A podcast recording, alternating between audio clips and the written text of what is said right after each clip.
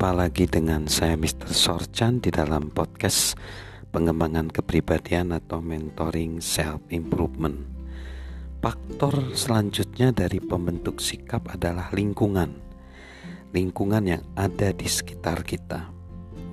Lingkungan adalah faktor penentu yang cukup kuat ya di dalam pembentukan sikap kita. Dibandingkan kepribadian kita atau sifat-sifat yang melekat di dalam kita, faktor lingkungan pengaruhnya cukup kuat terhadap kepribadian atau sikap kita. Jadi, eh, ada seorang suami istri mulai membangun keluarga, tetapi mereka memutuskan untuk mengadopsi anak-anak karena mereka tidak mampu memiliki keturunan. Jadi, mereka mengadopsi anak. Terus mereka akhirnya uh, membentuk anak itu dengan lingkungan yang positif, ya. Dan lingkungan itu cukup mempengaruhi daripada anak yang diadopsi.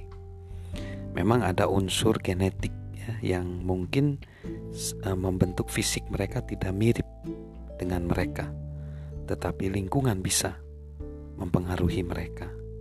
Lingkungan pada anak usia dini membangun semacam sistem keyakinan seseorang. Anak-anak terus-menerus belajar tentang prioritas, sikap, kepentingan, dan filosofi dari lingkungan mereka. Inilah fakta yang sangat saya yakini mempengaruhi sikap seseorang Meskipun meskipun begitu hal-hal yang kita yakini bisa saja salah. Ya mungkin saja yang kita yakini tidak sehat. Hal-hal itu bisa saja melukai orang lain atau bahkan menghancurkan kita sendiri. Meskipun begitu, sebuah sikap itu didorong oleh keyakinan entah itu benar atau tidak. Nah, lingkungan adalah pemberi pengaruh pertama pada sistem keyakinan tersebut.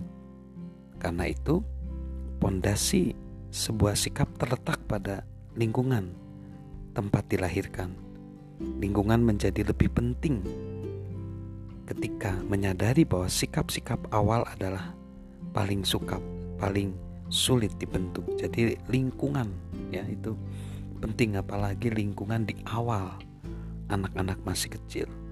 Lalu juga ekspresi kata-kata yang kita dengar itu juga pembentuk daripada sikap. Kita mungkin pernah mendengar ada pepatah yang seperti ini. Tongkat dan batu bisa mematahkan tulangku, tetapi kata-kata tidak akan bisa menyakitiku. Seperti itu jangan percaya. Sebaliknya, setelah memar-memar dan rasa-rasa dan rasa sakit di badan menghilang, luka karena kata-kata yang menyakitkan tetap tertinggal di dalam hati. Jadi, eh, kata-kata uh, itu juga harus kita perhatikan, ya.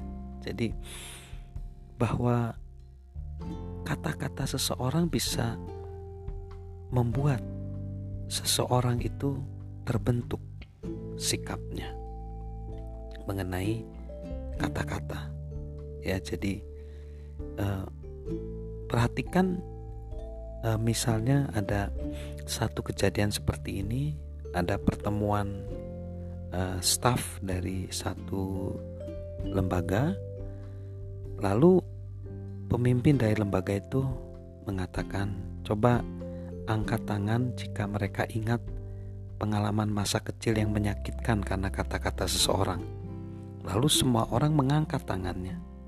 Tapi ada seorang staf yang uh, mereka uh, duduk melingkar bersama dengan teman-temannya dalam sesi membaca. Ketika tiba gilirannya membaca, dia salah mengucapkan kata fotografi. Gurunya mengoreksi dan seluruh teman sekelasnya tertawa, dia masih mengingatnya. Bahkan setelah 40 tahun berlalu. Hasil positif dari pengalaman itu adalah keinginannya sejak saat itu untuk mengucapkan kata-kata dengan benar.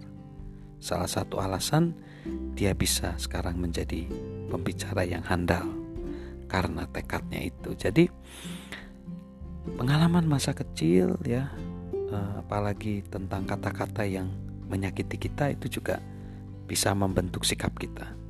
Salam good attitude dari saya, Mr. Sorchan. thank you